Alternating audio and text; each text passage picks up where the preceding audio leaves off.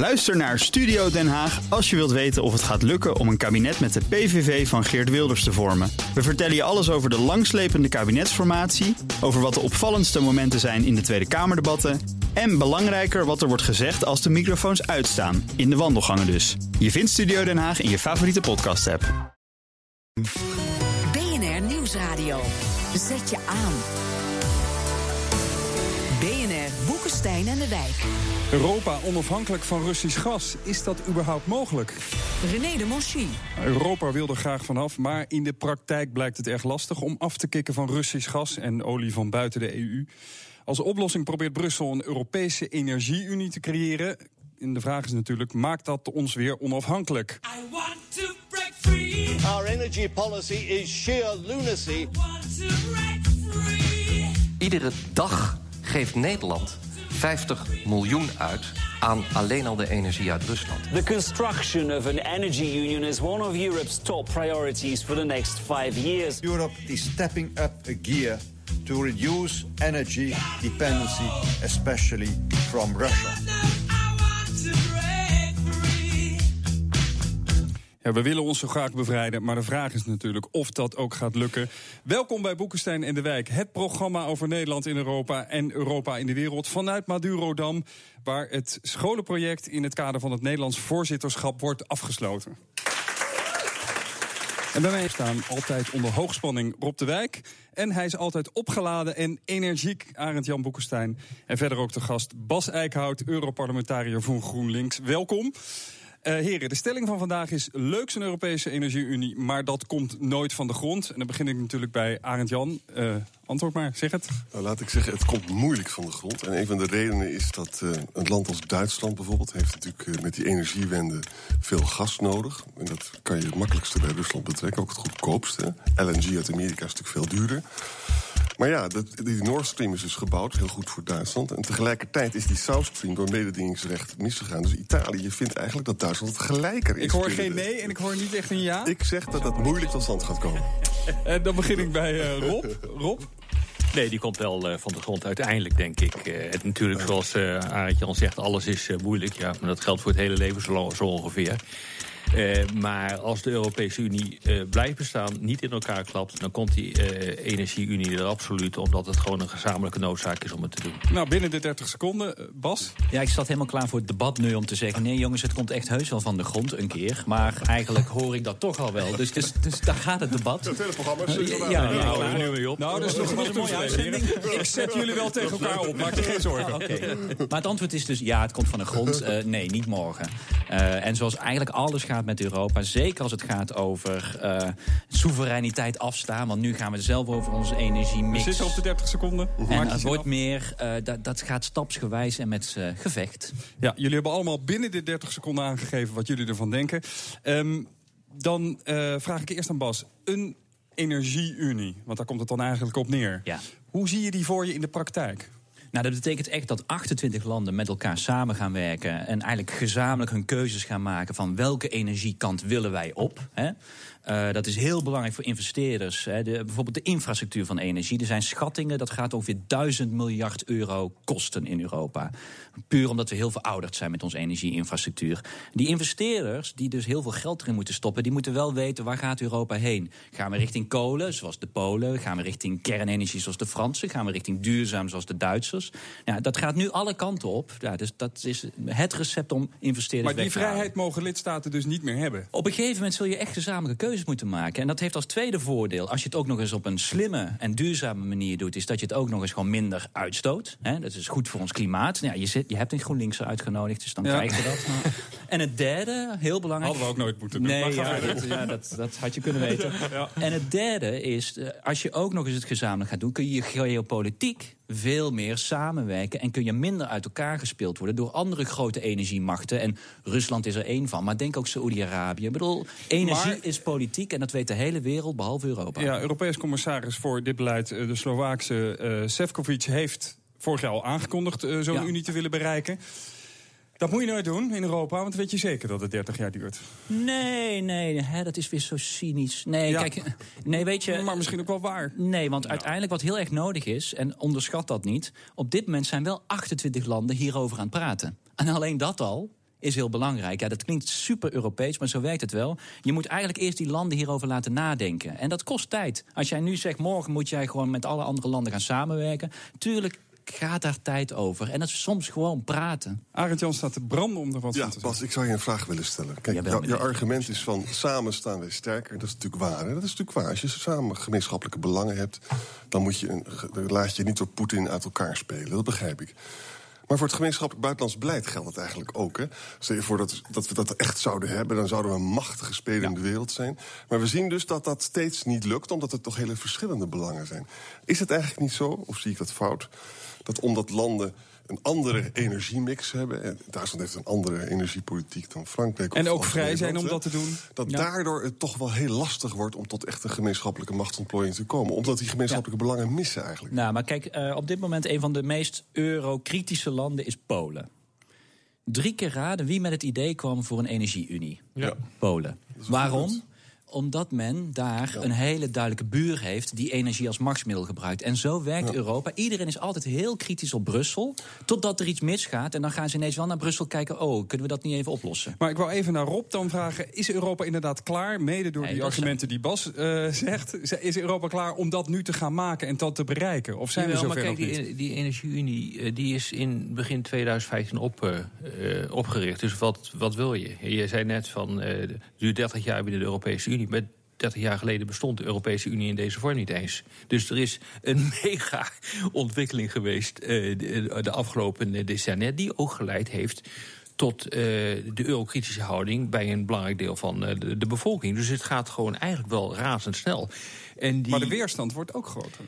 Ja, nou, ja, dat, ja, daar hadden we het eh, vorige week ook over. Daar hadden we het vorige week ook over. En het blijkt dus dat zo nou, in Europa pakweg 21 procent, maximaal 30 procent is echt mordicus tegen de Europese Unie. Het merendeel van de bevolking is of heel erg voor, pakweg 40 procent, en de rest maakt het niet zoveel uit, maar is ook niet tegen. Ja, dus is- het is gewoon niet waar. Dat is al belangrijke thema's. Maar Arend Jan zegt terecht van ja, op buitenlands beleid lukt het niet. Lukt het dan wel op energiebeleid, Bas? Nou ja, kijk, een mooi voorbeeld. En, eh, we hadden het net over dat Nord Stream en dat South Stream, eh, waar Arend Jan mee kwam. Eh, South Stream is inderdaad tegengehouden door de commissie, door Brussel. En nu vinden een aantal Oost-Europese landen die eigenlijk heel kritisch zijn op Brussel, maar die vinden nu wel dat Brussel iets aan Nord Stream moet doen. En zo zie je hoe dat werkt. Landen zijn heel vaak boos op Brussel, Ja. maar als er dan iets gebeurt wat zij oneerlijk vinden, dan gaan zij toch naar Brussel kijken om dat op te lossen. En zo zie je dat we allemaal toch Bas? meer in Brussel bezig zijn met ons Ik hoor ze energiebeleid. allebei ja zeggen. Dat is niet de bedoeling, maar toch. Sorry, Bas, leg eens uit voor de luisteraar, dat is echt interessant. Kijk, Polen is natuurlijk kwaad op Nord Stream. hè. Dat betekent dus dat je, je kunt dus eh, gas uit eh, Rusland halen... en dan hoef je... en dan Polen he- kan daar helemaal niet aankomen. Het gaat terecht naar Duitsland toe, hè. Kan, vertel me nou eens hoe Merkel dit dan zou kunnen veranderen. Wat, wat zou Polen willen en wat zou Duitsland kunnen geven? Gewoon op het terrein van de praktische politiek. Ja, ik vind dat Rob die vraag ook zo mag beantwoorden. Maar eerst even naar Bas. Nou, er ligt bijvoorbeeld op dit moment een voorstel, een wetsvoorstel van de commissie, die ze echt twee jaar geleden nooit hadden durven voor te stellen. Dus zo snel kan het gaan. En dat wetsvoorstel gaat over een solidariteitsmechanisme. Dat zegt, als er straks een derde partij. Waarschijnlijk, denk Rusland, de gaskraan dichtdraait. Ja. Zorg er dan voor dat andere la- burenlanden gedwongen worden om ook hun gasaandeel aan dat land te geven. Zodat wij dus niet meer als één land van de EU eigenlijk afgesloten kan worden. Dat is nu een heftig politiek debat in Europa. En de Polen kijken echt naar Duitsland. Hè. Duitsland altijd mondvol over solidariteit. Ja. Nou, met Nord Stream doe je dat niet. Nee. Nou, dit solidariteitsmechanisme ligt gevoelig in Duitsland. Maar nu is wel alle druk op Duitsland om dit wel Maar degelijk te Gabriel. Gabriel, minister van Economische Ja. Zaken, die heeft ook inmiddels eh, erkend dat eh, wanneer Rusland de gaskraan zou dichtdraaien en eh, Oekraïne daar de dupe van wordt, dat het hele project eh, wordt afgeblazen. Dus je ziet nu dat er vanuit eh, Brussel ook een enorme druk, precies wat je zegt, op, op Berlijn wordt uitgeoefend. Maar het is echt interessant wat er gebeurt, want je moet nu ook constateren dat de Europese commissie op dit ogenblik eigenlijk de enige is die keiharde machtspolitiek in Europa kan gaan voeren. Er wordt altijd gezegd van Europa dat zijn eh, softies. En met name Poetin vindt dat. Maar je hebt net, eh, Bas heeft net het eh, voorbeeld ge- genoemd van South Stream. Dat was dus de pijpleiding van Gazprom die van Rusland eh, naar Europa liep, naar met name Zuidoost-Europa, die is gewoon de nek omgedraaid door de Europese Commissie, door de toepassing van het mededingingsrecht. Eh, dat zegt dat je een, de infrastructuur, in dit geval die, die gaspijpleiding, niet en mag eh, volledig in eigendom mag hebben en alleen maar mag gebruiken. Je mag er geen monopolist op zijn. Dat is gekild. Eh, daardoor is de hele business case onder die, eh, onder die South eh, weggevallen. Dat kwam door de kwestie Krim, door de annexatie van de Krim... en de activiteiten van Rusland in Oekraïne. En je ziet nu bijna hetzelfde gebeuren met de pijpleiding... die een stuk noordelijker moet Maar worden. dan eh. heeft Bas een punt. Je kan in Europa zodanig de regels opstellen... dat er inderdaad dingen niet mogen... waardoor deze energie en- niet er vanzelf komt. Ja, en er wordt vaak niet goed begrepen dat op één punt Europa een absolute supermacht is. En dat is op het gebied van regelgeving. Wij bepalen in zeer belangrijke mate de regels in de wereld. Niet alleen maar in Europa, maar ook transatlantisch. Hè, dat is, heeft, eh, is nu ook gerelateerd aan de hele discussie rond TTIP. Wij bepalen dat in zeer belangrijke mate. En wij zijn het ordeningsprincipe op dat eh, gebied. En dat wordt vaak vergeten. Maar hoe, eh Arend Jan vraagt ook, hoe maak je dat nou concreet in politiek? Eh, Merkel tegen Polen, de Zuid tegen Noord, South Stream, Nord Stream. Al die initiatieven die er zijn. Hoe maak je dat nou in concrete politiek? Ga, wat ga je uitruilen tegen elkaar? Bas, antwoord, dat is een hele relevante vraag. Hè? Want stel je nou eens voor, Poetin sluit dus af. Hè? Die Nord Stream wordt ook afgesloten. Nou, dan, dan moet- kan je nog wel wat gaan herverdelen onderling, maar dat gaat ook snel op. Dan komt natuurlijk gewoon een race, dat zie je nu al. De LNG, Amerikaanse eh veiligheids... eh, Mm. eh, verzekeringspolis. Geopolitiek, minder risico Ja, wellicht. zie je ook in de Baltische Staten. Maar concreet, welke politieke eh, leiders moeten welke politieke beslissingen aandurven? Nou, ze moeten uiteindelijk aandurven om Brussel zeggenschap te geven over energiepolitiek. En dat is nu nog nationaal. Dat zal uiteindelijk Brussels moeten worden. Maar daarvoor, heel formeel, heb je een verdragswijziging nodig. Dus dat, dat kost gewoon een tijdje. Dus nou, als- daarmee is het programma al voorbij, Ja. denk ik. Nee, maar als, dus, als, Poetin, als Poetin morgen dat zou doen, dan zouden we echt een probleem hebben. Ik bedoel, er zijn, er zijn wel tests voor, allerlei stresstests voor gedaan. Het is niet zo dat we dan overmorgen meteen zonder gas zitten. Er zijn al heel veel opslag eh, is ervoor verzorgd. Dus er is er echt al wel een buffer gecreëerd. Maar het klopt dat Europa is er nog niet klaar voor. Maar dat zei volgens mij Nee, niemand hier. Nee, dat de maar het moet, niet af is. nou, dan moet er daar bijvoorbeeld Iran komen. Dus eh, hoe het geopolitiek werkt is ook dat... Noord-Afrika. Ja, Noord-Afrika is een mooi voorbeeld. Maar Iran, daar wordt nu ook vooral eh, naar gekeken. Pijpleidingen moeten daarvoor eh, worden omgelegd. Dat kan allemaal gebeuren, maar het kost wat Tegen tijd. elkaar uitspelen eigenlijk. Ja, maar zo Buitenlands beleid. Ja, ja, nee, maar dat is gewoon buitenlands beleid. Buitenlands Ja. beleid. Ja, Of- zeker. En één- dan effect hebben. Of wat natuurlijk ook belangrijk is, zelf meer eigen energieopwekking. En dan komt er ook weer duurzame Nou ja, energie kijk, op de niet groen als doel, maar groen als middel. Ja, ja, beide. Nee, maar daar ben, ik, het- daar ben ik het mee eens. Eh, ehm, ik ben niet zo'n zo'n zo'n groen iemand. Dat Eh, komt nog op. Dat komt allemaal wel. Nee, maar ik vind het prima. Ik bedoel, eh, ik wil best eh, elektrisch gaan rijden... maar dan moet ik wel in één klap eh, naar Dan ben Zuid-Frankrijk je wel van. Poetin dan nog voorop? Nee, ik ben ook niet voor Poetin. Maar het hele... Nee, daar ben je dan vanaf als je groen Oh ja, nee, maar dat is natuurlijk het hele punt. Maar geopolitiek is het gewoon echt absoluut noodzakelijk om eh, te gaan vergroenen... en om eh, te gaan kijken hoe je minder afhankelijk kan worden van een potentaat als Poetin. Arend Jan, laatste woord voor de reclame. Er zijn twee geruststellende gedachten voor de reclame. Eén is, je ziet overal dat er toch een vergroening plaatsvindt, dus minder afhankelijk. In de tweede plaats, mensen die gas en olie hebben... die willen het graag verkopen, die willen er graag geld mee Ja, maar er zijn er meer in de wereld die dat willen. Ja, maar het betekent zo dat het is toch erg lastig om iets af te sluiten. Ook voor Poetin is het vrij Ja. vervelend om het af te Uiteindelijk is, is Rusland net zo afhankelijk van Europa als an- andersom. Ja, draait het populisme in de Europese Energie-Unie, het energieinitiatief, dan de nek om. BNR Nieuwsradio. Zet je aan. BNR Boekenstein en de Wijk. En we komen vandaag vanuit Madurodam, waar het scholenproject in het kader van het Nederlandse voorzitterschap van Europa wordt afgesloten. En de stelling waarover we het hebben met Boekstein en de Wijk en natuurlijk ook Bas Eickhout is leuk zo'n Europese energieunie, maar dat komt natuurlijk nooit van de grond. Voor de reclame Bas zei je van ja, Poetin speelt hier een rol in. Ehm, ik wou het eigenlijk samenvatten als een betere vijand kan je niet hebben, want hij zorgt ervoor dat Europa één energiebeleid gaat voeren. Ja, uiteindelijk Europa onder druk van buiten of onder crisissen gaan we, zien we in dat we meer moeten samenwerken. En in die zin, eh Poetin heeft zeker de hele energieunie een ongelooflijke eh, slinger gegeven. En hier zijn ze ook bang voor geweest. Hè? Ik kan me goed herinneren, een paar jaar geleden was ik bij Gazprom, bij de top van Gazprom. En dat was ook naar aanleiding van het feit dat ze de gaskraan naar Oekraïne hadden dichtgedraaid. dat had voornamelijk financiële reden, maar ze hebben het wel gedaan. Toen heb ik ook een discussie met ze gehad. Waarbij ik zei: van, Moet je horen, als je dat nog een keer doet. dan gaan we heel hard vergroenen in Europa. En toen werd er gezegd: Nou, dat gaat niet gebeuren. Dat doen jullie niet, want jullie zijn veel te afhankelijk van ons. Nou, je moet zien wat er dus nu gebeurt.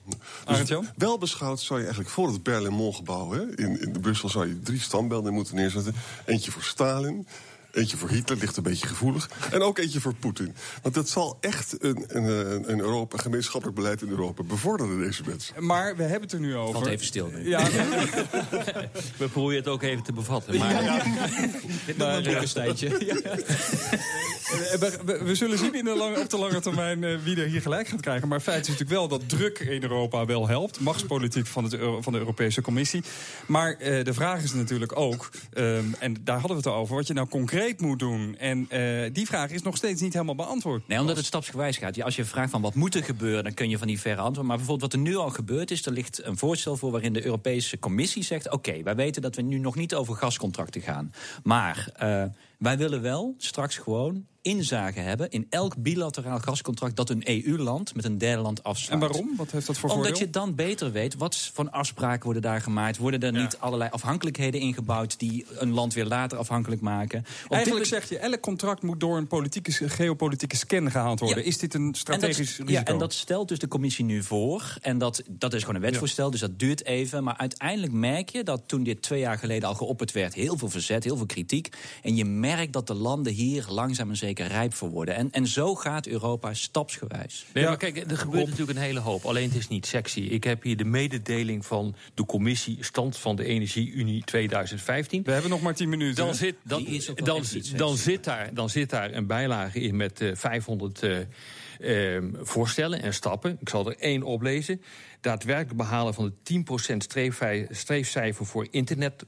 Hm, elektrici- elektriciteitsconnecties. Nou, ik bedoel, daar worden mensen niet wakker van. Nee. Eh, ik bedoel, daar, eh, daar, dat haalt de voorpagina hier. En zo staan er nog een stuk of honderd in. Maar die moet moeten allemaal ja doorlopen worden om Ja. uiteindelijk te komen tot zo'n energie-unie. Nou, maar dat is heel belangrijk. Die 10% is vooral geplukt door Spanje en Portugal. Omdat die helemaal... Het is een Iberisch schiereiland. Eigenlijk losgekoppeld energietechnisch, Van, ja. Energietechnisch heel veel potentie. Maar losgekoppeld van Frankrijk ongeveer.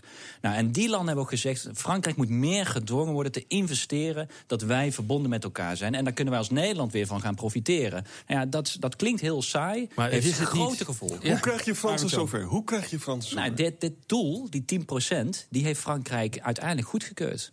Interessant. En Ja. wat hebben ze daarvoor teruggevraagd? Ja, dat zal ongetwijfeld iets meer flexibiliteit bij het stabiliteitspact. Dat vind ik een slechte deal. Nee, Maar dat is heel goed. Eh, nou ja, dat noem je wat. Nee, maar Dat- Europa is gewoon op 99% van de zaken gewoon niet sexy. En ook bijna onbegrijpelijk. Want Bas moet uitleggen waar die 10% vandaan komt. En zo zijn er Nee, honderd maatregelen stappen. Arend-Jan maakt wel een belangrijke opmerking. Hij zegt, daar, Oh. daar moet je iets voor inleveren. Dat is nou net wat de weerstand in Europa bij burgers op doet roepen. Je hebt anti-Europeanen en sceptici. Dat zijn Ja. toch twee verschillende dingen. En de vraag is, is de geest niet uit de fles om dit nog te kunnen realiseren?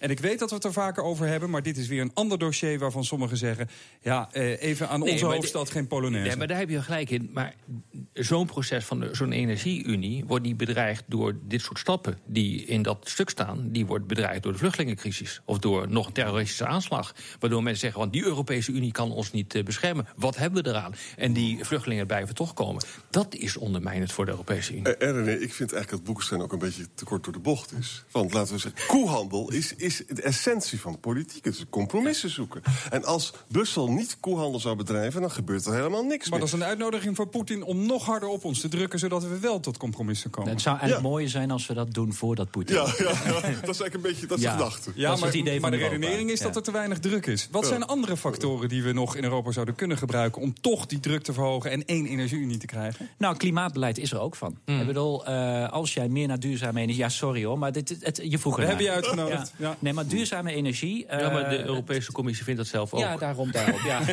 Dankjewel, Rob. We hebben Nee, hier maar- met de volgende Europese commissaris energie te maken. Eh, dat, eh, ik, ik praat gewoon door nu. Eh, dus die duurzame energie is natuurlijk wat variabeler. Dat weten we allemaal. Een kolencentrale heeft één voordeel. Het levert stabiel heel de elektriciteit. Het is alleen heel vies. En ook weinig flexibel. Nou, dat heeft het voordeel duurzame energie. Maar dat moet je wel met elkaar gaan verbinden. Want hoe meer je dat met elkaar verbindt, hoe stabieler het weer wordt. Ja, dan moet je als landen gaan samenwerken. En dus energieunie. En dus het klimaatbeleid, waar Europa weer wel over gaat... is ook een ongelooflijke drijvende kracht achter de energieunie. en uiteindelijk moet het ook goedkoop worden voor de consument. ja, en Ook dat wordt het door samen te werken. Maar toch is de vraag, is de geest, de, de anti-sceptische en de, de, de, die, die Europese anti-geest... is die niet uit de fles, waardoor dit eigenlijk niet meer te Ja, maar redden- als je- Zijn we niet te laat? Nee, maar als je dat zegt, dan ga je nog meer verlammen. En dat is inderdaad een politiek gevaar. Dat zie je bij veel politici. Van er is kritiek op Europa en dus durf ik niks meer. Maar daarmee gaat Europa nog minder leveren waar mensen eigenlijk denken: waarom hebben we dan Europa nog? En krijg je nog meer sceptisch. En ik denk dat- Verlamming is eigenlijk nog het grootste gevaar. En ik denk dat de meeste politici gewoon echt geen loodverstand hebben van de energie-unie. En al helemaal geen van geopolitiek. We- we- Weet je, we hebben, we hebben charismatische politici nodig die durven uit te leggen dat grensoverschrijdende problemen alleen grensoverschrijdend kunnen worden opgelost. Het is zo waar als een, als een klontje. En toch? eh, neem, noem nou eens een voorbeeld van iemand waarvan jij denkt... ja, die straalt dat uit, die heeft ook die machtspolitiek in zich... om dat tot één bindend geheel te maken. Neem Nou eens ja, een voorbeeld. Dan, dan zou je op, op veel terreinen, kijk je dan toch naar mevrouw Merkel. Niet op alle terreinen, ook niet op het terrein van de Energie-Unie. Maar wel op andere terreinen is dat een mevrouw die Ja, maar dat, maar kan bijna niet in Europa. Hoe je het ook wendt dit is geen superstaat. Het is niet eens een federatie. Het, Nee. zijn, het zijn staatshoofden en regeringsleiders... die gezamenlijk in de Europese Raad tot een vergelijk moeten zien eh, te komen. In, in, eh, en in conclaaf moeten gaan met, met de commissie. Eh, ik bedoel, het, het, werkt, het is een democratisch proces in zeer belangrijke Maar mate. gaat het dan wel werken? Nou, weet je wat? Nou, ik bedoel, als je ziet waar we gekomen zijn de afgelopen decennia... Ja, eigenlijk maar is ons- redenering in het Hongarije. die weet nooit waar maar, we gaan nee, maar je moet, het wel, je moet het wel in historisch pers- eh, perspectief plaatsen. Want als je dat niet doet, dan zit je naar het hier en nu te kijken... en denk je, nou, morgen wordt het niks. Nee, maar je moet kijken waar je vandaan komt. Laten we Bas vragen, want die zit in het Europees Parlement. Wat moet er gebeuren? Welke politie moet, politicus moet wat doen? Nou, ik heb eh, bewust eh, vorig jaar, toen we een discussie hadden over energieunie... toen zeiden we, nou, laten we vooral met regionale samenwerking beginnen. Een energieunie groeit ook door met regionaal te beginnen. En de Noordzee is natuurlijk een regio waarop dat kan. En dat heb ik dat initiatief bewust genomen met een Tory-collega omdat de Britten algemeen bekend staan als die willen niks Europees. Maar zelfs de Tories in het Europees parlement zeiden van... nou ja, op energiegebied zou het eigenlijk best wel fijn zijn om meer samen te werken. Puur en alleen al, omdat het goedkoper En wordt. dat begrepen alle andere stromingen?